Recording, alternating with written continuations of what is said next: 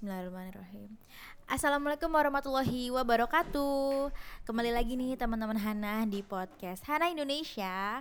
Kali ini kita uh, mengundang seseorang ya yang sangat inspiratif. Ini pasti udah pada tahu banget karena uh, beliau ini full time mom tapi masya Allah karyanya karirnya itu tuh sangat bisa dinikmati oleh banyak orang mulai dari yang kecil sampai kita yang udah gede-gede udah ibu-ibu juga bisa semua nikmatin karyanya. Langsung aja aku panggil di sini ada Umu Alila. Assalamualaikum Umu. Waalaikumsalam warahmatullahi wabarakatuh. Oke Umu kita uh, mau ngobrol santai ya kali ini ya, ya. Oke uh, gimana sekarang nih kabar Umu? Terus uh, kesibukannya? Terus mungkin banyak yang belum kenal juga uh, anak Umu kan ada empat ya itu usianya berapa aja uh, terus sama si kakak yang, ter, uh, yang sulungnya juga baru hmm, masuk pesantren. hmm. tuh bolehlah cita-cita sedikit gimana? Ya alhamdulillah kabar saya baik semua lancar dan aktivitas saya sehari-hari ya seperti biasa tetap dalam hal ini uh, sebagai ibu rumah tangga. Kemudian juga ada beberapa amanah-amanah di luar yang tentunya mungkin kalau teman-teman sosial media biasanya tahu ya saya ngapain aja gitu ya. Tetap uh, kalau saya sebagai istri di rumah oleh suami dikasih amanah untuk memanage ya memanage urusan rumah urusan anak dan itu adalah yang utama. Jadi kalau seandainya uh, saya punya aktivitas di luar ya saya biasanya nyesuaiin yang di rumah beres dulu. Nah baru nanti saya izin untuk minta keluar. Nah selain di rumah apa aja? Nah saya juga ada beberapa majelis taklim. Nah yang saya juga uh, diri, dirikan kemudian juga saya punya usaha punya usaha hijab kemudian juga ada kamar potong. Jadi kalau dulu mungkin saya masih produksi di orang sekarang saya sudah mulai produksi sendiri dan itu juga pasti membutuhkan uh, pikiran. Nah kemudian juga apalagi saya punya anak empat anak empat yang satu sebagaimana teman-teman sudah tahu namanya Alila.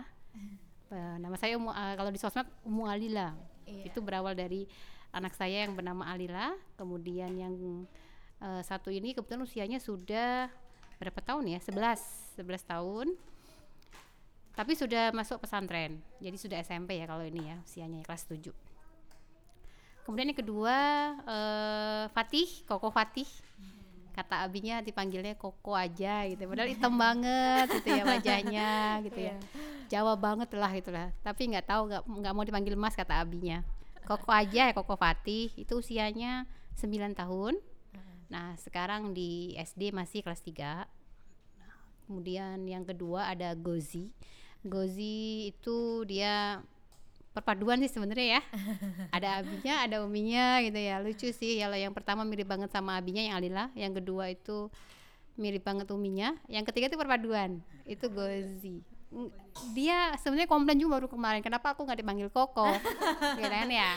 Padahal kan dia kakaknya Ayah karena Ayah manggil kan Oji Oji gitu kan ya. Dia komplain kemarin kenapa kok nggak dipanggil Koko sih aku? Gitu kan ya. Enggak dipanggilnya Gozi. Hmm. ya jadi dia dipanggil Gozi uh, karena mungkin uh, udah terbiasa dari kecil kali ya. Itu usianya 8 tahun. 8 tahun sekarang kelas 2 SD jadi itu jaraknya cukup deket banget sama Fatih Iya. Nah, empat bulan saya sudah hamil lagi. Masya Allah. itu yang keempat ayah, ayah Sofia. Iya. Nah paling itu kecil ya. yang paling kecil itu usianya enam tahun. Hmm. Sekarang kelas 1 SD dan mereka sekolah di sekolah yang sama. Jadi enak lah ngedropnya. Oh, ini makanya gitu. sekarang Umu ada waktu ya buat kita ganggu. Ya, alhamdulillah sih, alhamdulillah. Kalau sebenarnya ada ada waktu aja sih, cuman lebih pingin nyari waktu yang nyaman ya Mbak Ilmo ya, biar kita lebih bisa banyak ngobrol gitu. Oke. Okay. Nah, um, ini yang kita lihat dari sosial media terutama ya, mm sebagai seorang istri, uh, seorang ustadz, mm. ya kan, kita lihat Umu tuh fokus banget dampingin anak-anak di rumah boleh gak sih Umu sharing? Apalagi anaknya ada empat nih ya jaraknya yeah, deket pula. Gimana sih kesehariannya dari bangun tidur sampai tidur lagi? Sampai tidur lagi ya. Sam, siapa tahu nih teman-teman Hana bisa belajar terutama sih dari segi manajemen waktu ya Umu ya. Hmm. dengan segala usaha dan uh, kegiatan di luar juga. Saya alhamdulillah hmm, mungkin kalau udah dibilang istirahatnya tuh kalau kalau sekarang lumayan ya alhamdulillah ya karena mungkin anaknya sudah bisa dikondisiin ya kalau mungkin setahun yang lalu masih lah di situ kayak hahaha lumayan gitu kan ya. Karena anak saya termasuk yang memang uh, secara fisik aktif banget dan ada yang iseng iseng banget. Itu namanya gozi. Itu iseng banget. Jadi kayak tuh baru yang sedikit kan setiap anak punya karakter sendiri sendiri kan. Itu selalu ada yang nangis lah ada yang apa namanya ngadu-ngadu itu uh, sering banget sehingga lumayan menguras ya kalau seorang ibu tuh kalau ada yang sudah nangis itu kan ya. Nah jadi ketika pagi-pagi mungkin kalau rutinitas ya biasanya bangun ya setengah empat jam empat gitu kan ya. Itu biasa untuk kita uh, apa namanya bermunajat kepada Allah untuk kita uh, apa namanya sholat malam.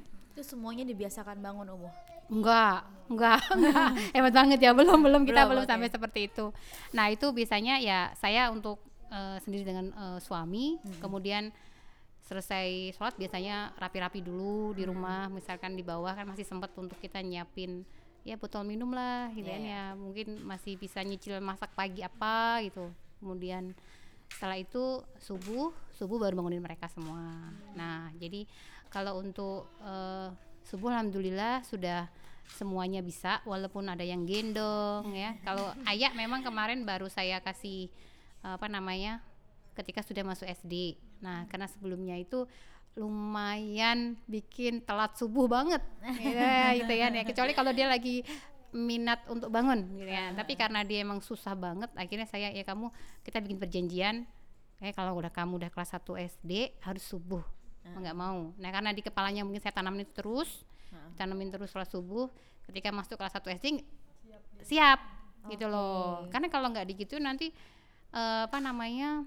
ya pasti lebih ini ya belum tertanam ya ya itu setiap orang tua kan pasti beda-beda sih cara untuk ininya dia mungkin masih kecil udah dibangunin gitu kan ya kalau saya memang pas sama ayah itu karena memang spesial mungkin karena buntot juga ya ya udah pokoknya kamu nanti kalau sudah kelas 1 SD harus sudah harus wajib sholat subuh nggak nggak boleh enggak itu itu udah saya tanemin dari uh, waktu dia mau menjelang masuk SD begitu juga dengan kalau koko sudah bisa bangun dengan mudah ya dia bisa dia uh, apa lumayan ketika dipanggil langsung lah sudah ini ya sudah enak. Si Gozi susah banget. Ya jadi harus masih harus gendong. Bukan gendong sih mapah gitu ya mapah uh. gitu kan. Ya dia nggak suka dengan lampu yang terang. Uh. jadi harus yang nggak boleh silau-silau gitu kan ya. Jadi lucu lucu-lucu gitu kan masing-masing dengan karakternya. Dan itu setiap pagi selesai sholat subuh ya berarti kita langsung masak di bawah. Kemudian alhamdulillah mereka juga sudah bisa mandiri mandi sendiri semua kemudian bergantian. Ya itu juga termasuk yang dulu. Lumayan hektik banget gitu ya. Jadi dulu tuh lumayan sekarang aja baru-baru udah mulai dibuat apa namanya ah ada siklusnya. Kamu yang mandi dulu ini harus habis itu kamu habis itu kamu gitu kan ya. Akhirnya di situ mereka sudah uh, bisa uh, sendiri ngelakuin semuanya. Kemudian sekitar pukul ya 6.30an bisa jam 6 tuh kita udah siap-siap sarapan di bawah semua sama abinya juga bareng-bareng masih sempat ngobrol masih sempat bercerita bercerita. Nah setengah tujuh saya antar antar ke sekolahan langsung di drop. Nah di drop habis itu selesai dari situ bisa saya ke pasar ya. Itu ke pasar dan mama lah biasa ya. Waktu untuk berbelanja untuk memikirkan besok makan apa gitu. Nah dari situ selesai dari situ biasanya uh, tergantung ada kajian apa enggak. Nah hmm. itu jadi saya beberapa uh, apa uh, majelis alhamdulillah di apa di Al-Fatih kita punya musola lebih tepatnya ya musola ya tapi alhamdulillah sangat bermanfaat banget di perumahan ini di kompleks yang ruko-ruko tadi teman-teman lewatin yeah. itu hmm. karena dulu nggak ada masjid hmm. nah di kompleks ini sebenarnya ada tanah yang emang di situ mau di apa dibangun masjid tapi karena di sini kebanyakan non muslim jadinya nggak dapat izin untuk di masjid akhirnya satu kali mikir kayaknya gimana Abi mau sholat mau jamaah? Kalau seandainya mau ke masjid aja perkampungan masih dikunci. Kalau subuh kan masih dikunci tuh. Nah di situ tuh saya tuh sampai apa sampai ustadz sampai me, apa namanya ngurus ke wali kota supaya dibangun masjidnya itu. Tapi karena di sini kebanyakan non muslim ya mungkin nggak direspon ya.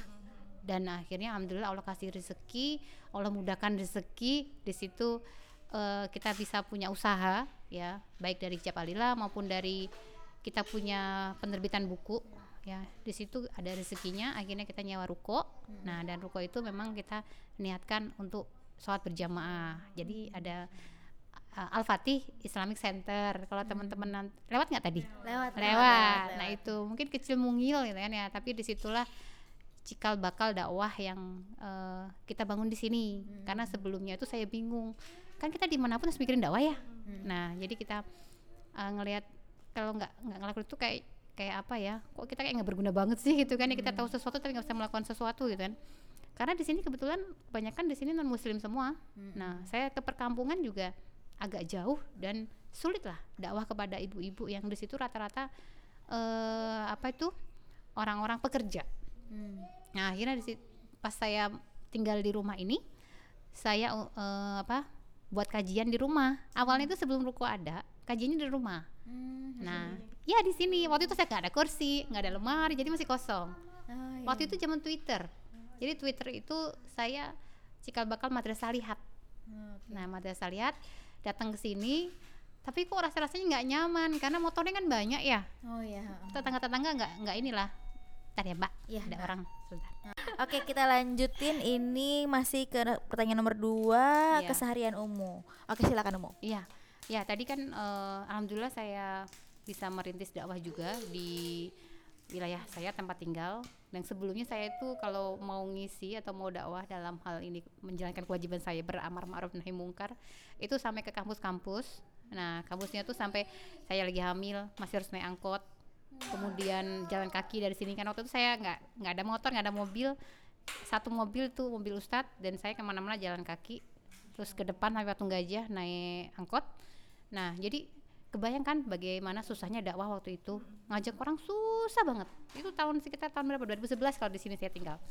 Nah, tapi karena mulai sosmed, saya mulai main sosmed, kemudian dapat izin dari Ustadz. Sebelumnya saya dilarang haram bagi istrinya Ustadz Felix untuk main Facebook. Saya juga nggak tahu, jadi saya tuh nggak ngerti Facebook sampai sekarang. Oh gitu. Ya, saya nggak ngerti. Kalaupun nemu akun Facebook itu nggak pernah aktif, hanya sebatas kayak forward forward aja gitu. Jadi saya nggak bukan termasuk produk Facebook karena nggak dapat izin dari suami.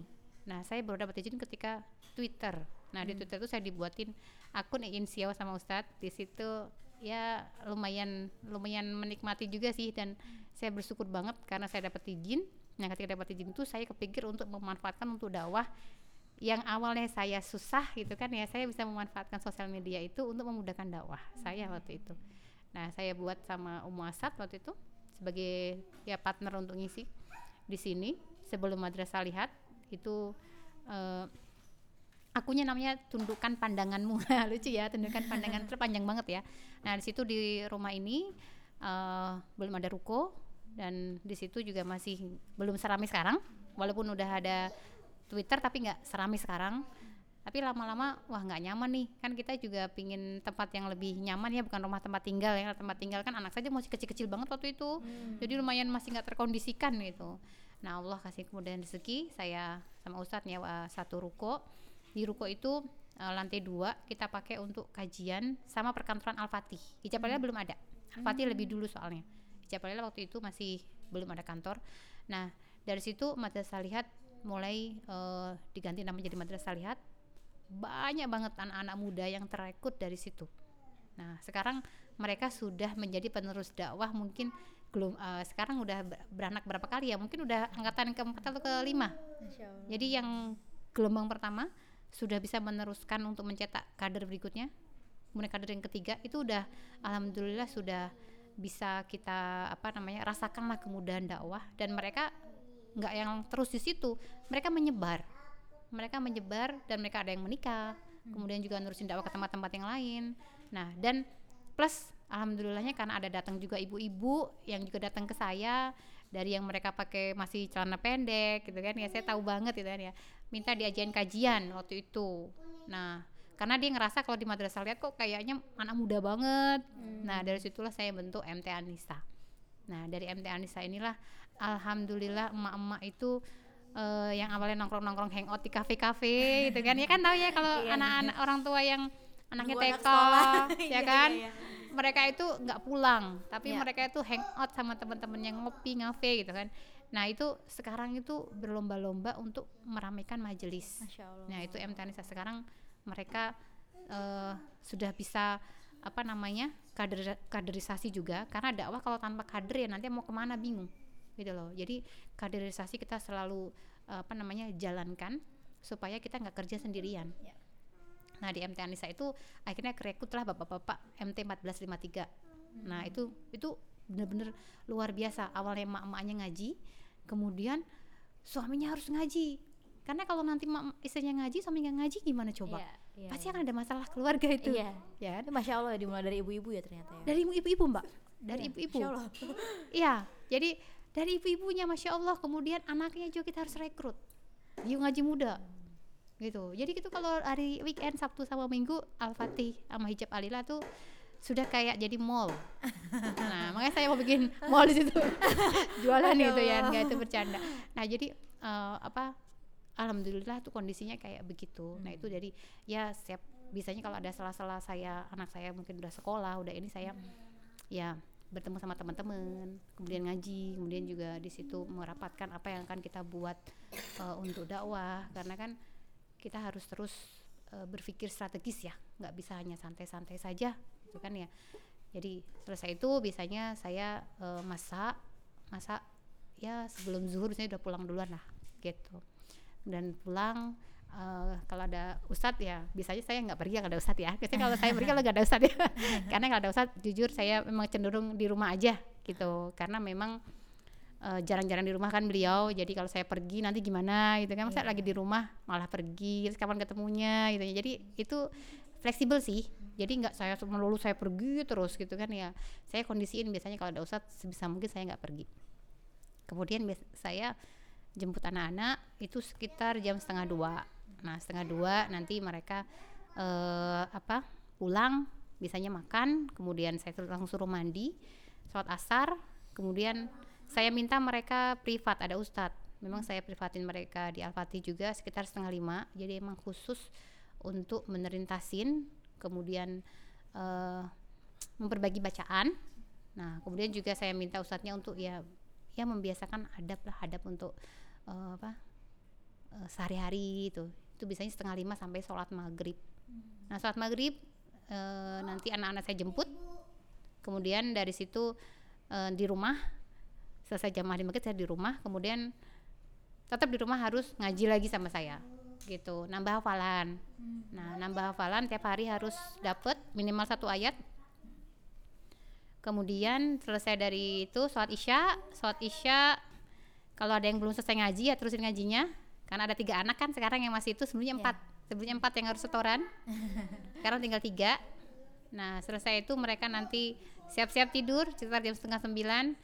Nagih biasanya cerita ya. Kalau anak-anak pasti suka dengan cerita itu pasti. Karena saya suka komplain kemarin ceritanya gimana? Buat apa mau ceritain kalau seandainya kalian begini? Kan itu anak-anak lucu ya kalau seandainya ini ya. Kan itu cerita sahabat tentang eh, kepahlawanan gitu kan perjuangan. Tapi kadang-kadang mereka kan tahu sendiri anak-anak itu kan. Masih tuh terutama Gozi ya tuh Gozi isengnya masya Allah itu. Benar-benar apa namanya perlu treatment khusus lah untuk si Gozi ya suka iseng bikin. Tapi itu yang bikin rame ya pasti ada anak yang beda sendiri. Udah biasanya setengah sembilan saya sudah mereka minta tidur jam setengah sembilan jam sembilan dari situ biasanya kalau ada binya ya saat-saat kita santai karena Quality mama time ya. ah kalau mama biasanya kan tahu sendiri kalau udah pagi sampai siang tuh kadang-kadang kalau kata Ustadz Felix kapan ada waktunya buat tabi gitu. ya kan kalau ini kan kalau seandainya langsung tidur gitu kan Iya, kadang iya. kalau kita anak-anak udah tidur kan kita ngarepnya juga kita tidur juga ya biar kita bisa apa namanya istirahat gitu tapi karena mungkin mungkin bisa jadi sama suami pas siangnya tapi kan tetap kita harus anak ya. Jadi mungkin kita nggak fokus ke suami sehingga pas anak-anak tidur ya tetap suami menuntut dong kapan waktu berduanya gitu kan ya. Akhirnya ya ya selesai itu pasti mesti ngobrol. Ya. 10 jam setengah 11 baru istirahat tidur gitu Masya Allah ini harinya padat sekali ya. Jangan Waduh. dipikir title ibu rumah tangga tuh leha-leha doang. No no no. Sibuk ya Umu ya. Masya Allah. pastinya Ya apalagi sekarang tambah eh, segala macam usaha juga. Mm-mm. Wow itu udah Masya Allah. Oke selanjutnya gini. Terus eh, kita juga sering lihat nih di Instagram Umu sering sharing tentang masakan. Aduh, ya. jadi Ya malu. kan? Bener sesuai fitrahnya nih ya Masya ibu Allah. masak gitu Iya, ya. iya, iya, iya. Dan em, boleh tahu gak sih kalau misalnya di rumah tuh paling suka masak apa sih? Terus biasanya suka ngajak anak-anak masak nggak? Gitu. Oh, ya. kalau ngajak anak masak itu saya mikir berkali-kali. Tapi kadang suka sih karena Iya, kan iya. itu bagian yang memang mereka sangat eh, excited banget ya. Iya. Apa ngotor-ngotorin dapur tuh mereka seneng banget ya Bener, suruh bener. ngupas-ngupas sayuran. Kemudian ya yang mereka bisa lakukan lah itu eh, mereka sangat suka banget. Cuman kadang-kadang lihat sikon juga. Lah kalau kita buru-buru mau ngapain juga kalau mereka ikut bantuin nggak selesai jadinya. Lihat sikon keadaan sih mbak. Kalau emang seandainya santai siang-siang nggak ada mungkin agenda lagi libur juga biasanya saya suka minta mereka untuk bantu-bantu pertama si Koko ya si Fatih. Dia seneng banget masak. Nah dia suka banget masak. Cuman saya masih khawatir dengan kompor ya. Ah. dia suka masak sendiri. Kalau apa kayak apa nyeplok telur itu dia suka banget. Nah karena dari situ dia hobi makan. Oh gitu. gitu. Nah, tapi ya memang aku nggak yang sering banget sih kalau untuk masalah masak. Karena nggak di rumah nggak ada mbak. Jadi kalau untuk sampai kotor-kotoran banget gitu kan ya nggak sanggup juga bersihinnya ya. Gitu. Mbaknya pulang pergi aja, ya nyuci gosok, selesai pulang gitu. Nah, terus masakan ya. Untuk masakan sendiri kalau untuk Sasali sendiri emang lagi diet banget Oh iya. iya jadi sebenarnya nggak ribet ya emang rebus-rebusan jadi kayak misalkan kacang tanah. Apa ya seder- bukan sederhana lagi mbak. Sop-sop sederhana. Enggak lagi. Jadi bener-bener kayak buah-buahan. Terus rebus-rebusan kacang tanah kedelai kayak gitu. Kemudian ya kalaupun ini ya paling sayur-sayuran dibuat pecel. Hmm. nah sayur ya masih oke lah kalau sayur asem gitu masih beliau makan tapi kalau untuk daging kemudian yang berat-berat yang berlemak-lemak itu memang nggak makan Oh, gitu itu jadi sekarang beliau yang awalnya memang biasa aja tapi sekarang benar-benar ngejaga uh, apa namanya jenis makanan itu lebih mudah sih buat saya ya, Iya ya? sih. nah tapi kalau ya. untuk anak-anak ya emang harus ini ya buat mereka selalu bervariasi ya Iya. makanannya baik misalkan kayak kalau sekarang anak tuh nasi itu nasi liwet itu suka Oh, banget iya, iya, gitu. cuman nanti kalau itu udah bosen juga nanti ganti dengan ya ayam-ayam dibikin steak itu suka banget juga ayam-ayam steak yang memang mereka lebih yang crunchy-crunchy itu suka banget kan gitu. Jadi ah, tapi juga nggak nggak nggak melulu saya masak terus sih kadang-kadang suka beli juga sih gitu. Kalau memang seandainya nggak memungkinkan kan kadang-kadang kan kalau kita ada yang tadi nggak sempet masak juga pasti ada lah Iya. gitu. Cuman kenapa sih saya posting gitu kan ya? Saya tuh kalau dibilang pinter enggak. Tapi saya pingin pingin aja menginspirasi ya. Iya, kalau kita semua pasti pengen sosmed itu kan bisa jadi pahala bisa jadi dosa gitu Iya, kan iya, ya. betul, saya betul. pikir kalau seandainya eh, kita bisa memberikan sesuatu yang bermanfaat ya kenapa kita nggak kita manfaatin? Enggak kan kalau sekarang kita memandang sesuatu kan harus selalu positif. Kemudian bukan untuk pamer tapi untuk memang berbagi. Siapa tahu misalkan Mbak Ilma misalkan hari ini bingung masak apa ya? Ih lihat tuh Malila gitu kan. Jadi mau masak ini gitu kan punya ide jadinya gitu kan. Jadi itu itu aja sih niat saya. Kalau masalah pinter mah aduh yang pinter jauh banget gitu ya tapi saya pikir untuk eh iya ya kalau seandainya ini juga bisa menginspirasi orang mau masak apa. Kemudian juga bisa jadi mengingatkan orang yang mungkin belum masak untuk kembali ke dapur lagi. Kan Iya, banyak banget betul, tuh ibu-ibu yang di situ mungkin lebih eh, apa namanya fun-fun di luar Hmm. ya kan? Seneng banget di luar. Saya, saya kalau lagi sama Ustadz pagi-pagi sempat belanja bareng-bareng tuh. Suka lewat tuh ada eh, apa namanya rumah makan di eh, mall. Kemudian ada mak-mak mungkin pada ngobrol ngerumpi itu pasti komen. Ustadz Abi paling nggak suka kalau misalnya sampai kayak begitu ya. Begitupun saya juga sehari-hari kalau misalkan ada temen yang ngajak meeting misalkan ke tempat temen kan ada punya kopi kan?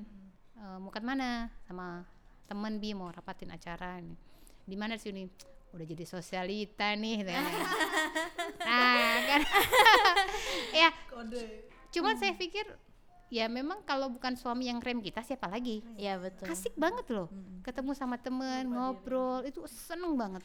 Apalagi kalau suaminya yang mungkin di situ eh, membebaskan nah makanya saya alhamdulillah punya suami yang aku pikir kadang-kadang juga sempat sempat pikir kamu setan lagi masuk gitu kan ya. Aduh kenapa sih suamiku kok ini banget ke aku? Kok orang lain kok bi- bisa semudah itu untuk keluar rumah tanpa yang ribet? Tapi kalau untuk Ustadz Felix sendiri enggak. Jadi emang kalau enggak kalau nggak penting banget jangan keluar. Itu kata Ustadz Felix Gitu. walaupun memang kalau untuk dakwah insya Allah lah kita udah berkomitmen dari awal ketika awal nikah bahwa dakwah itu adalah porsi hidup kita. Tapi kan ketika mungkin suami memang butuh kita bisa pernah nggak dilarang untuk keluar untuk urusan dakwah? Ya sering banget juga. Gitu loh. Buktinya apa? Banyak banget yang minta ini dong sharing di sini sharing di sini. Emang kamu pernah lihat saya keluar apa ya? Ngisi gitu kan? Nggak pernah kan? Ya makanya Mbak Elba ke sini kan ya? Itu karena emang Mbak pernah saya keluar gitu kan? Nggak pernah gitu kan? Ya, ya karena apa? Karena itu amanah suami dan di situlah yang harus uh, kita jaga.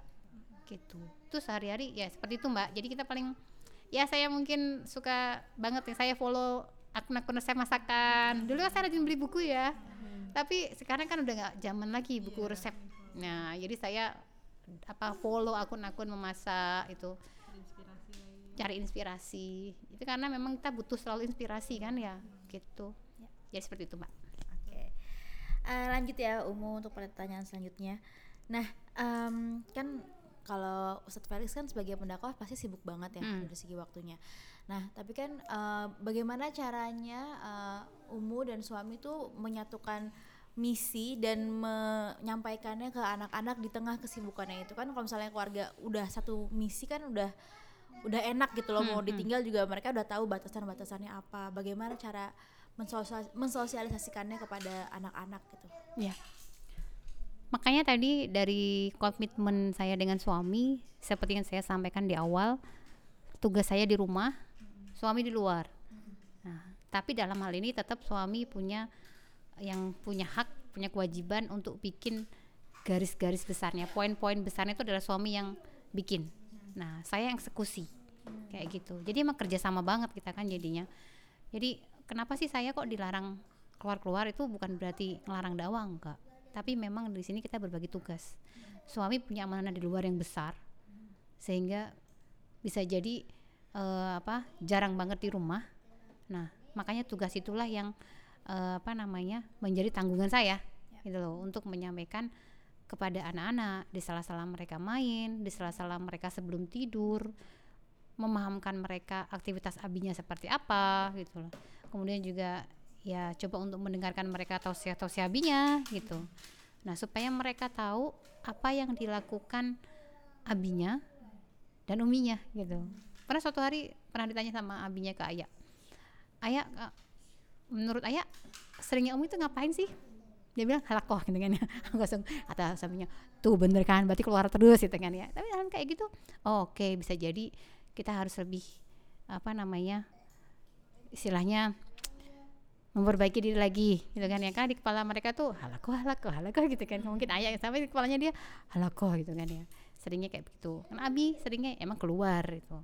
Jadi dalam hal ini uh, tanggung jawab saya pasti lebih besar di eksekusi ya. Hmm. tapi kalau dalam hal ya garis-garis besarnya tadi tetap abinya yang menentukan gitu. Seperti itu. Jadi untuk bagaimana mentransfer ya berarti setiap setiap ini mbak setiap ya setiap ada kesempatan itu selalu saya sampaikan. Ya seperti kayak Guzi kamu ntar jadi apa? Lama tafsir gitu ya. Kemudian CC saya coba untuk arahin walaupun diarahin tapi kan nanti mereka punya keinginan sendiri ya. Saya kan dia tertarik dengan desain desain grafis kemudian uh, eh, animasi animasi walaupun mungkin mungkin hanya sebatas keinginan anak kecil bisa jadi ya tapi kan dia mungkin ngomong kayak begitu jadi langsung kita arahkan aja. Ya udah nanti kalau Cece mau selesai pesantren langsung ke arah situ. Jadi nanti bisa dakwah di situ. Kita sudah tanamin kayak gitu. Sih lama tafsir tadi. Koko si koko sukanya saya kan mobil katanya ya. Udah kamu nanti nyari uang buat Gozi gitu. Nanti kamu bangun pesantren ya gitu. Jadi saya coba untuk kayak gitu. Nanti Oji belajar S3 sampai sampai S3 baru pulang. Kok udah siap-siap di sini bangun pesantren. Itu kan sebatas awang-awang ya, tapi kan dalam hal ini coba untuk nanemin. Boleh kok kamu tuh mau jadi apa aja yang kamu inginkan, tapi semua untuk dakwah untuk Islam. Ya. Gitu. Jadi saya tanamin gitu. Boleh kok nanti jualan mobil. Hmm. Yang koko mau bikin showroom gitu kan ya. Tapi nanti buat bangun pesantren ya oh iya nanti koko mau bangun masjid buat Gozi gitu. Nah ayah mau jadi apa? Kalau ayah tuh beda sendiri dia. Dia menjadi dokter katanya. Ya, ya. dulu ya. Eh, itu cerita-cerita inilah lucu sih tapi uh. coba kita untuk arahin gitu kan ini nanti supaya oh nanti ayah bisa ini di pesantren itu nanti kita bisa bikin klinik ya kesehatan untuk santri-santrinya supaya nanti mereka sehat kayak gitu gitu loh. Jadi kita coba untuk bangun ke depan kita tanamin aja dulu deh gitu. Adapun nanti mereka mau jadi apa ya terserah lah. Kita nggak yang memaksakan kamu harus jadi begini enggak tapi saya sudah arahkan di sini ketika kamu ditanya mau jadi apa dia kebayang gitu mbak. Jadi nanti ah gitu. Seperti itu Iya, yang Iya. penting tujuan terakhirnya itu ya untuk agama, untuk dakwah gitu. iya ya, itu ya. yang harus kita tanemin Iya. gitu Entah ntar jalannya Allah pilihkan bagaimana kan ya kita nggak tahu juga ya. iya heeh. Ah, Oke. Gitu, ya Insya Allah.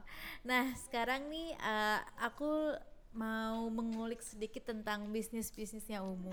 Boleh ya? iya silakan Saya jujur eh, sangat-sangat kagum sama apa yang udah Umu lakukan, terutama hijab Alila ya. Selain produknya juga kontennya, masya Allah itu inspiring banget dan emang sangat bermanfaat untuk anak-anak muda sih aku rasa ya. Aku yang udah termasuk yang kids, iya bagus banget lagi itunya apa? Ilustrasinya bagus, wordingnya bagus, pokoknya tuh kayak niat banget gitu ya niat banget ah. dan itu bener kayak apa ya bukan bukan konten ece-ece ya Ah. bagus banget nah sekarang ah, gini eh, kan walaupun Umu nih sibuk di rumah kan tapi kan juga punya bisnis hijab Alila. Nah boleh cerita boleh cerita nggak sih Umu awalnya berbisnis tuh eh, gimana? Ini kalau mau langsung bo- borongan jawab boleh nih Umu.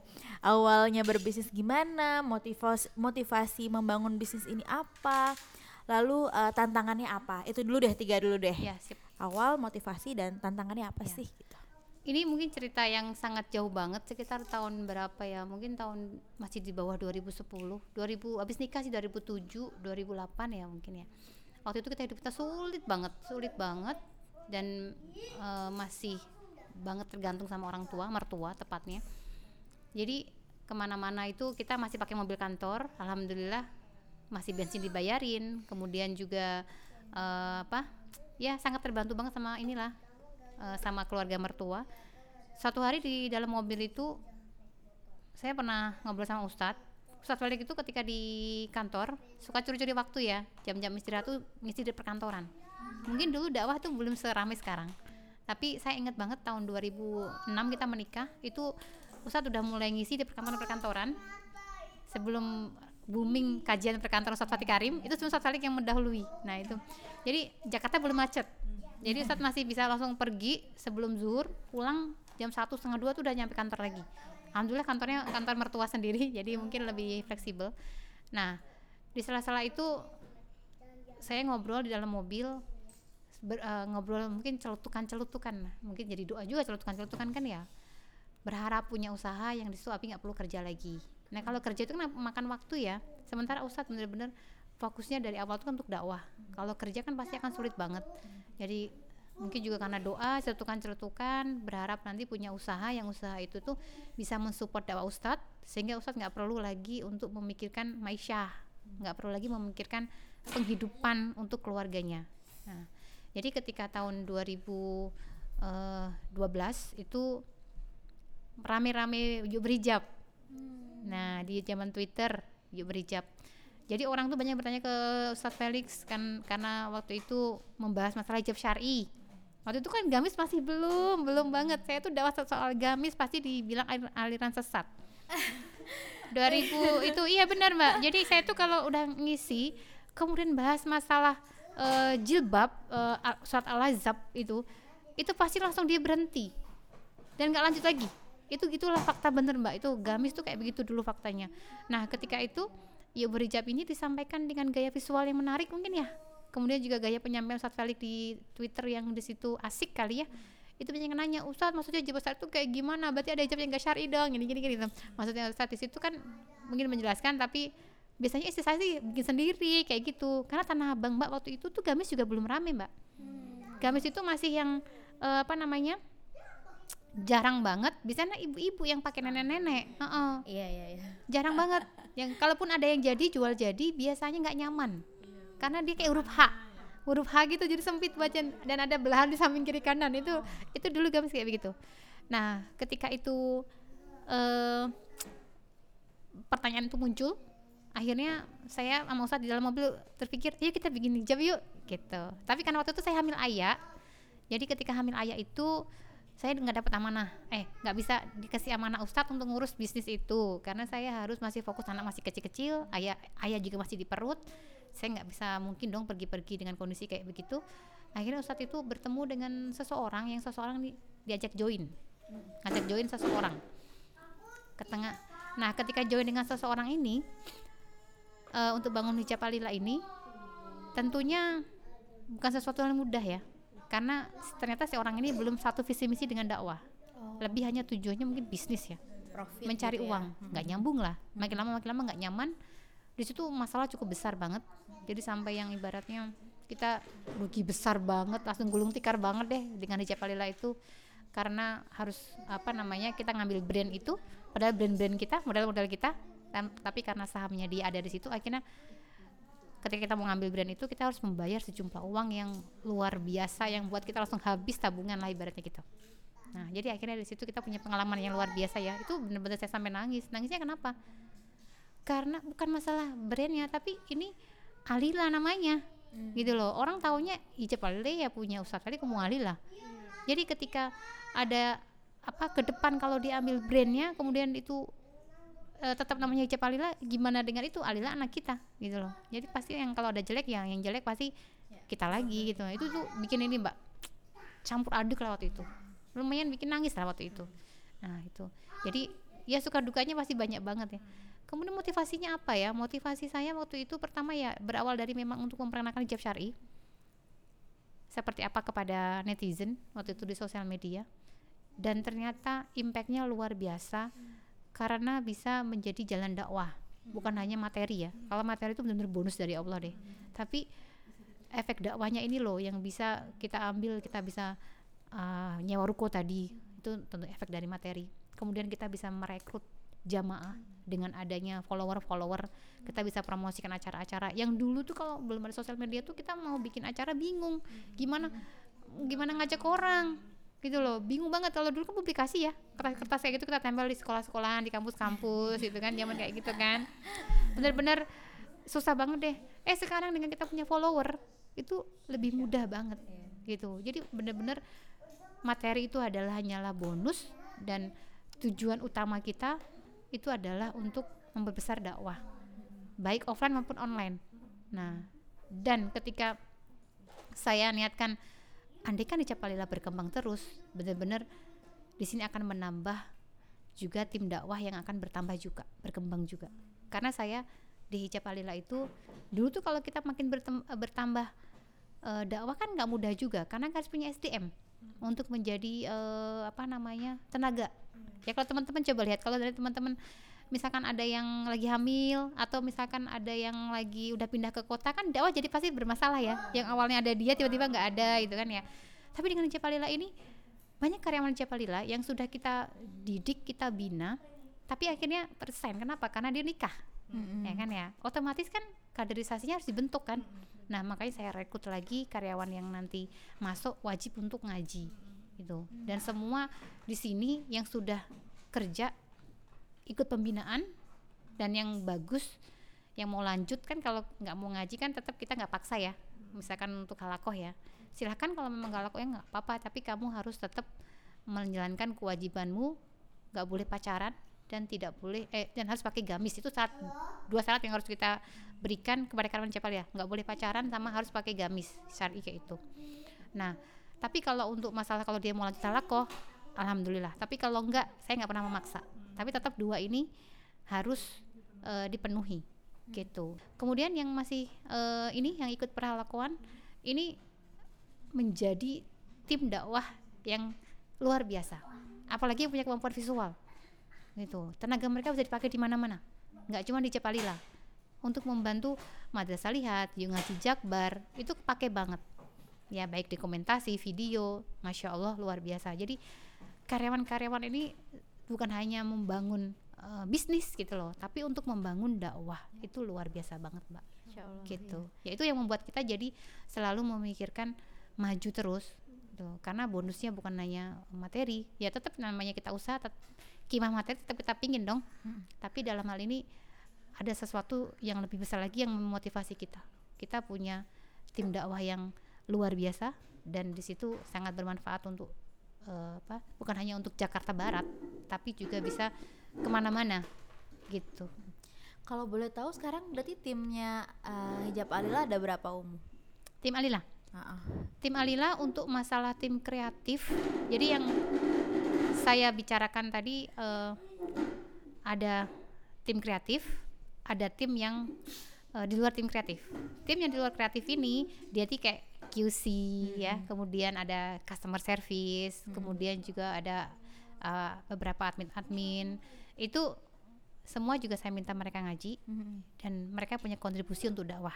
Hmm. Ya, misalkan ada misalkan ada jamaah MT Anissa yang punya pingin buka dakwah anak muda di perkampungannya hmm. saya langsung turunkan mereka yang udah ngaji oh masya allah jadi langsung dari timnya hijab ya, ya, ya masya allah ya. oke keren itulah banget. hebatnya apa owner iya, iya, iya. atau hebatnya uh, apa namanya bos gitu gitu ya.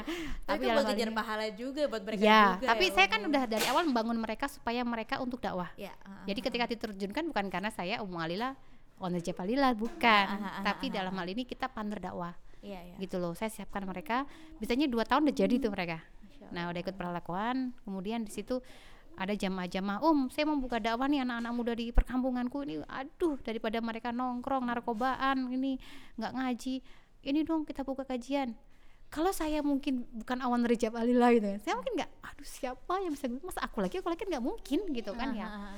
Emak-emak yang lain juga nggak mungkin juga. Ada tim alila yang sudah bisa siap diterjunkan.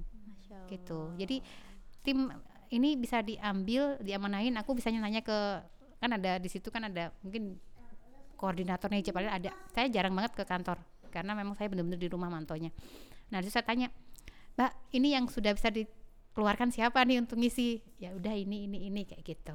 Nah wow. itu tim yang di luar tim kreatif. Jadi hmm. di situ ada tim kreatif. Tim kreatif ini tim yang di situ uh, menjadi uh, yang mewarnai sosial media ijab alila. Nah terdiri dari ada videografer ada fotografernya ada visualnya hmm. ya ada juga tim konten Berarti semuanya perempuan ya? Perempuan semua, tapi yang bagian ini ada beberapa laki-laki ada empat, itu lebih ke fisik kerja fisiknya. Oh, Jadi kayak ya, uh, stoker okay. yang ngangkut-ngangkut barang kayak gitu-gitulah itu ada laki-laki. Nah, tapi juga saya minta mereka dulu ngaji juga. Ada pernah kejadian mereka tuh yang pacaran saya langsung cut di situ juga. langsung kita sidang, kamu keluar. Udah, itu udah. Jangan jangan apa Mbak, jangan istilahnya apa? Jangan bayangkan kalau semuanya baik-baik enggak. Selalu kita kontrol ada ketahuan kayak gitu, ada gitu loh. Makanya belum tentu ketika di situ hijab berarti udah baik semua. Enggak juga. Ada ada kejadian. Namanya juga manusia ya. Iya, iya. Makanya itulah pentingnya kita amar ma'ruf nahi mungkar. Nah, tim kreatif ini ada tadi ada videografer, ada fotografer, ada tim konten, ada visual, kemudian juga ada di situ Dila sama Evi. Jadi icon dakwah. Yeah. Saya bangun mereka untuk menjadi icon-icon dakwah yang di situ bisa muncul, dimunculkan. Nah, ada yang komen, kenapa Umi cantik mereka? Ah, cantik itu kan standar ya gitu kan ya. Kebetulan saya tuh gak pernah merekrut orang untuk mencari orang tuh gak pernah. Hmm. Saya ketemu aja mereka gitu kan ya. Evi misalkan, dia dulu tim QC, anak QC. Saya bilang, Vi kamu bantu aku dong gini gini gini oh ya mau Umi orangnya asik aja gitu jadi mengalir aja itu eh kamu mau nggak jadi ini jadi semua tuh berjalan gitu loh mbak jadi nggak saya tuh nggak pernah berencana untuk kontes orang-orang yang cantik. Itu nggak pernah sama sekali. Yeah, yeah. tapi kadang-kadang netizen kan komennya macam-macam ya mbak. Dila pun sama. Perasaan Dila wajahnya biasa-biasa aja. Tapi ada aja orang yang ini yang namanya netizen kan lucu-lucu ya gitu kan ya. Jadi saya udah bangun Evi sama Dila ini untuk menjadi ikonnya Alila ikon dakwah. Apa sehari-hari mereka seperti itu? Mereka seperti itu insya Allah. Jadi saya nggak mau ketika mereka muncul di situ kayak sinetron misalkan hmm, yang ya, di situ nggak kerudungan ya. acting gitu kan nggak begitu. Saya udah tanamkan ke mereka. Pernah nggak mereka nggak pede? Pernah. Tapi saya niatin lagi niatin uh, semua yang kita lakukan itu dakwah coba seperti tadi yang di awal saya ceritakan kamu lihat aja tuh banyak orang-orang yang ber, bermaksiat tapi mereka pede keluar. Lah kita nih mengajak dakwah. Kalau kita nggak mengcover mereka apa uh, istilahnya nyanyiin mereka nanti siapa lagi kita mau yang mau nyanyiin mereka? Kita harus ada figur contoh yang di situ menjadi patron anak muda seperti apa? Anak muda yang menyibukkan diri untuk dakwah anak muda yang menyibukkan diri untuk belajar kayak gitu. Makanya saya selalu di video-video itu secara ini ya coba untuk menyampaikan sesuatu yang di situ tanpa sadar itu tuh sesuatu tuh bisa nancep gitu loh. Misalkan kayak ya halako gitu kan ya kemudian ngaji ngumpul bareng-bareng. Itu semua ada maksudnya. Loh nggaknya sebatas untuk mencari follower. Follower materi itu semua bonus dari Allah deh. Gitu. Jadi kayak gitu mbak alhamdulillahnya. Makanya saya tuh sangat seneng banget masya Allah punya karyawan. Dan karyawannya juga cuma kerja tapi bisa menjadi tim dakwah. Itu yang luar biasa yang dulu saya bingung kalau saya tuh kalau ada orang ngaji lagi siapa yang lagi yang ngisi? Masa kita lagi kita lagi? Kan nggak mungkin kan? Makanya kita harus bangun kaderisasi gitu mbak jadi uh, aduh ini keren banget sih mu masya allah jadi mau bikin usaha tuh sebenarnya kalau di mana orang-orang tuh bikin usaha pasti untuk cari materi ya tapi hmm. ini untuk cari tim untuk berdakwah hmm, gitu loh. Hmm. Jadi berarti prioritas apa uh, kayak misalnya tapi tetap dipikirin kayak mau ngeluarin baju baru gitu juga ide-idenya apa masih dari Umu atau sebenarnya malah jangan lebih semangat dakwahnya nih. apa gimana? Kalau dari sisi produk, hmm. produk itu tetap saya yang kontrol hmm. semuanya uh, apa? Kalau untuk produk. Kepencet. Gimana bu? Kalau untuk produk uh, saya ngontrol tapi ada tim juga. Ah, gitu. jadi misalkan ada tim kreatif ini yang punya potensi apa membuat warna-warna cantik oh. desain-desain itu saya berdayakan untuk membantu ya. Tim dakwah ya, sebenarnya kalau dibilang saya banyak nggak andilnya? Alhamdulillah sih nggak sibuk banget sih mbak. Kayak kalau saya cerita tadi kan soal saya yang ini ya effort gitu kan karena mungkin saya sudah bangun sistem kali ya. Iya iya. Ya, uh -uh. betul, betul. Jadi saya di Ruka Alila itu ada satu orang yang saya amanahi menjadi mungkin ya penanggung jawab semuanya deh gitu. Itu ada satu yang saya selalu call, kontrol tuh untuk masalah gimana dia sudah ini belum, udah ngaji belum. Itu adalah selalu yang menata uh, apa namanya SDM di sana. Ada lagi satu yang bertanggung jawab gimana dengan pembelian bahan hmm. gitu loh. Jadi ada tim yang kayak yang saya selalu bisa call. Tentang sosial media saya juga tetap kontrol. Ini gimana postingan kok baru sekali gitu kan ya. Saya jadi kontrol controlling aja jadi kayak mandor gitu loh mbak. Hmm. tapi di sana sudah ada pelaksananya. Berarti termasuk kayak ide-ide konten di sosial media hijab Alila tuh dari mereka juga tapi approval umum gitu kali ya? Alhamdulillah sekarang udah mandiri Oh gitu wah. Kalau dulu masih dibantu saya, Ustadz Felix juga suka ikut campur. Hmm. Ser masih sering banget dulu Ustadz Felix masih karena waktu tahun 2012 itu kan saya nggak megang langsung Mbak Cepalila ada orang yang megang kan tapi karena ada uh, something wrong yang di situ kita akhirnya salah apa ngambil keputusan untuk pisah sama orang ini baru saya tuh di, di saya saya pegang itu 2015 Nah 2015 berarti saya bangun dari nol kan, nggak ada tim sama sekali kan ya. Nah dari situ saya juga bingung nih e, dakwah sosmednya gimana nih. Nah saya coba untuk merekrut, merekrut, merekrut. Sekarang jadi besar. Ada sekitar 11 atau 12 orang ya tim kreatif untuk sosial medianya toh ya. Itu ada sekitar segitu ada 12 orang gitu. Nah awalnya sih awalnya masih awalnya tuh masih ini mbak. Awalnya tuh masih menclok-menclok gitu. Tiap hari posting apa tuh menclok-menclok lama-lama kita bikin uh, konsep seminggu temanya apa. Iya, lama-lama kita kayaknya sekarang YouTube deh. Zaman dulu kan udah ada YouTube. Iya masih rame banget YouTube uh, kan? masih visual-visual Instagram kan di Instagram. Sekarang kemarin kalau untuk masalah tren ke depan Ustaz selalu ngarahin. Jadi misalkan saya kan nggak terlalu tahu ya tren ke depan dakwah seperti apa Ustaz selalu bantu. Umi sekarang hampir semuanya udah ke YouTube hmm. jadi sekarang bikin video-video lebih banyak itu Ustaz biasanya bantu kayak gitu hmm. tapi eksekusinya biasanya saya hmm. gitu ya untuk bisa uh, apa namanya membagi SDM gitu jadi untuk yang seperti itu sudah ada sistem jadi insya Allah karena kalau nggak ada tim saya nggak kebayang sama sekali iya. menjalankan itu semua karena saya juga sering ikut ustad safar menemani beliau safar kemudian juga apa amanah-amanah di rumah kemudian juga dakwah juga jadi kayaknya nggak mungkin deh kalau nggak ada tim gitu mbak okay. ya ngomong-ngomong safar nih umum berarti uh, seberapa sering sih Umu dan keluarga tuh untuk uh, pergi-pergi traveling? Apakah travelingnya juga ke tempat-tempat yang emang lagi pengen ke mana atau pengen mengambil manfaat dari tempat-tempat tersebut? Uh, kalau untuk keluarga saya sendiri, saat traveling tidak pernah mengkhususkan harus traveling itu nggak nggak ini. Uh, masalah kita misalkan pergi sering ke Jawa itu kan ada urusan misalnya untuk urusan dakwah ya.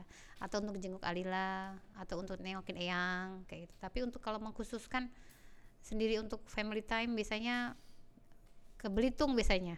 Nah karena di Belitung ini nggak terlalu susah lah menjangkaunya kan dekat dari Jakarta naik pesawatnya nggak terlalu lama. Dan di Belitung juga kita deket banget pantainya jadi bisa quality sama anak-anak. Kemudian di situ bisa ya mengajak anak liburan tapi itu juga nggak sering-sering banget sih Nah, jadi kalau untuk masalah pergi tuh biasanya kita nyesuaiin jadwal abinya. Kalau abinya pergi ke mana, ayo kita ngikut gitu. Tapi kalau misalkan kayak safar yang kayak ke luar negeri gitu, alhamdulillah sih saya masih punya eyang, masih punya ibu ya, eyang, eyang dari pihak saya itu masih sehat, masih muda juga. Jadi kalau seandainya kita ada bepergian yang harus meninggalkan anak-anak dan anak-anak alhamdulillah sudah bisa mandiri, itu ada eyang yang standby di rumah gitu. Tentunya dengan syarat-syarat yang sudah saya pesankan nitip ke ayangnya supaya begini begini begini dan alhamdulillah kita nggak ada gadget nggak ada TV jadi saya lebih tenang ketika misalkan bepergian seperti itu. Ya karena kalau seandainya apa namanya takutnya kalau eyang kan tahu sendiri ya bagaimana mereka lebih Iya, iya. mengalah dibandingin cucu gitu kan nah makanya kalau seandainya saya tinggalkan TV misalkan bisa jadi itu bisa dirayu ayangnya gitu kan ya gitu tapi kalaupun nonton ya eh ada TV di rumah tapi lebih ke CD-CD aja Oh gitu. CD-CD yang mungkin bisa mereka nikmati tapi juga bisa mendidik lah gitu Di filter semuanya ya. iya. Oke Umu. Nah, oke sekarang kita mau ngomongin tentang ini Umu eh, muslimah muslimah di zaman Rasulullah. Kita pengen tahu siapa sih eh, muslimah di zaman Rasulullah yang jadi idolanya Umu. ya tadi saya sempat mikir ya Allah gitu kan ya. Saya dulu sempat beberapa kali Ustadz Felix itu cerita tentang Bunda Hadijah ya. Ketika berapa tahun yang lalu saya itu eh, umroh kemudian saya naik Gua Hiro. Di Gua Hiro itu nanjak luar biasa kali bagi teman-teman yang sudah pernah nanjak Gua Hiro pasti kebayang bagaimana kaki pegel banget. Nah jadi ketika saya lakukan itu ya langsung kebayang ya Allah dulu Bunda Hadijah ketika nanjak Gua Hiro ini sudah lumayan berumur kan? Udah 50-an kan? Nah ketika itu bagaimana nggak kebayang gitu. Itu sangat luar biasa. Bagi saya Bunda Hadijah itu seseorang yang sangat mendukung Nabi Muhammad ya kan? Bagaimana beliau ketika eh, masih di apa dijegal dakwahnya disakiti oleh orang-orang kafir Quraisy tapi beliau adalah istri yang selalu ada di sisi Nabi Muhammad. Nah bagi saya itu jadi contoh yang luar biasa. Jadi ketika mungkin saya juga manusia biasa ketika bisa jadi ada sesuatu yang meras setan masuk itu kan ya yang mungkin aduh kenapa sih suami begini? Kenapa suami begitu? Kita mau komplain gitu kan saya cuman mikir inget lagi lah ya Allah saya pengen jadi kayak Bunda Hadijah gitu kan ya yang selalu ada di sisi Nabi Muhammad kemudian mendukung dakwahnya Nabi Muhammad pun dengan masalah materi sama. Saya punya motivasi ketika menjalankan tadi di awal saya cerita. Alhamdulillah suami ketika pergi itu nggak lagi memikirkan penghidupan di rumah gitu loh. Jadi kalau bisa kita tuh yang malah menghidupi dakwah bukan dakwah yang menghidupi kita. Itu prinsip saya sama suami. Kalau bisa semua uang yang kita dapatkan itu nanti kan kembali kepada dakwah gitu. Sebisa mungkin. Karena ya dari awal saya di mobil tadi saya cerita saya berdoa dan benar-benar hati-hati dengan celutukan-celutukan lah. Makanya kita nggak pernah bosan berdoa ya. Pingin punya usaha dan usaha ini tuh tapi nggak usah mikir lagi kerja gitu loh. Jadi ketika saya misalkan menjalankan usaha ini tuh dengan niat itu dengan segala sesuatu. Sehingga ketika capek ketika apa tuh masya Allah gitu kan ya mudah-mudahan ini menjadi eh, jalan untuk suami lebih fokus ke ngurusin urusan umat nggak lagi ngurusin urusan eh, apa maisha materi gitu. Bagi saya itu Bunda Hadijah juga seperti itu ya. Bagaimana beliau mengorbankan eh, materinya juga untuk Nabi Muhammad untuk membiayai semua perjuangan beliau gitu. Jadi itu selalu yang menjadi pengingat gitu. Seperti itu sih pak. Gitu Masya Allah. nah Iya nih eh, wanita berkarir surga nih. Ya. Masya Allah. Beneran. Oke Umu, eh, ini kita udah sampai di bagian closing. Mhm. Sebenarnya eh, kami pengen eh, Umu kasih semacam closing statement buat teman-teman Hana. Terutama kan kita dengar banyak yang ibu-ibu juga. Bagaimana caranya supaya tetap bisa eh, berkarya tapi juga tidak eh, mengenyampingkan yang sudah menjadi fitrahnya gitu sebagai seorang ibu dan istri gitu. Ya, buat teman-teman Hana, tentunya di sini saya belum menjadi orang yang sempurna, masih terus belajar dan belajar. Saya hanya ingin menjadi orang-orang yang mungkin termasuk yang menginspirasi saja, menyemangati ya tepatnya ya, menyemangati teman-teman di sana bahwa ketika seorang perempuan itu punya potensi yang luar biasa banyak multi telenan lah kalau dibilang. Jadi tidak hanya sebatas kita itu menjadi pengurus rumah dan istri uh, kemudian juga seorang uh, ibu tapi banyak hal yang masih bisa kita lakukan untuk agama ya jadi kalau teman-teman yang di sini apa yang ingin melakukan sesuatu jangan sampai menjadi penghalang urusan di rumah. Insya Allah dalam hal ini selalu ada jalan buat teman-teman untuk bisa menjadi seseorang yang lebih daripada uh, seorang istri dan juga seorang ibu. Misalkan untuk dakwah teman-teman bisa bergabung dengan komunitas-komunitas. Tentunya komunitas yang mengajak kepada dakwah insya Allah itu akan sering menjadi charger buat kita penyemangat buat kita ya pengingat buat kita supaya kita terus berada di rel yang benar gitu kalaupun ingin berkarya misalkan untuk membantu suami karena bagi saya prinsip saya sendiri tidak ada salahnya seorang istri itu untuk membantu suami dalam mencari uh, rezeki gitu. sehingga sini apa yang harus kita lakukan? Kita bisa melakukan sesuatu yang di situ bisa kita kerjakan di rumah tanpa harus mengganggu urusan rumah kemudian juga tanpa mengganggu urusan dakwah. Insya Allah selalu ada jalan. Makanya kita harus selalu kreatif dan memang memulainya tuh biasanya sulit. Tapi insya Allah selalu ada kemudahan setelah kesulitan gitu. Memulainya aja tapi insya Allah kalau dengan memulai insya Allah nanti akan ada jalan-jalan yang nanti bisa kita pilih tapi kalau kita nggak pernah memulai nggak akan ada pilihan gitu Bener banget. ya seperti itu mbak Bener banget, masya Allah. Terima kasih banyak Umu buat Hmm. um, inspirasinya, buat ceritanya, buat waktunya. Semoga teman-teman Hana yang mendengarkan podcast ini mendapatkan banyak manfaatnya, bisa diaplikasikan juga bahwa nggak ada yang nggak mungkin sebenarnya. Kita tetap bisa asal punya prioritas ya, dan juga punya tujuan yang mulia yaitu untuk uh, dakwah. Dan uh, buat teman-teman Hana yang mungkin punya pertanyaan bisa langsung aja DM di Instagramnya Hana @hana.indonesia. Kalau misalnya ada pertanyaan titipan buat Umu Alila silahkan. Jangan nanya stok tapi ya.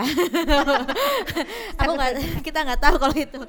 Ya jadi um, sekali lagi terima kasih buat Umu untuk waktunya dan terima kasih buat teman-teman yang udah dengerin podcast ini sampai habis.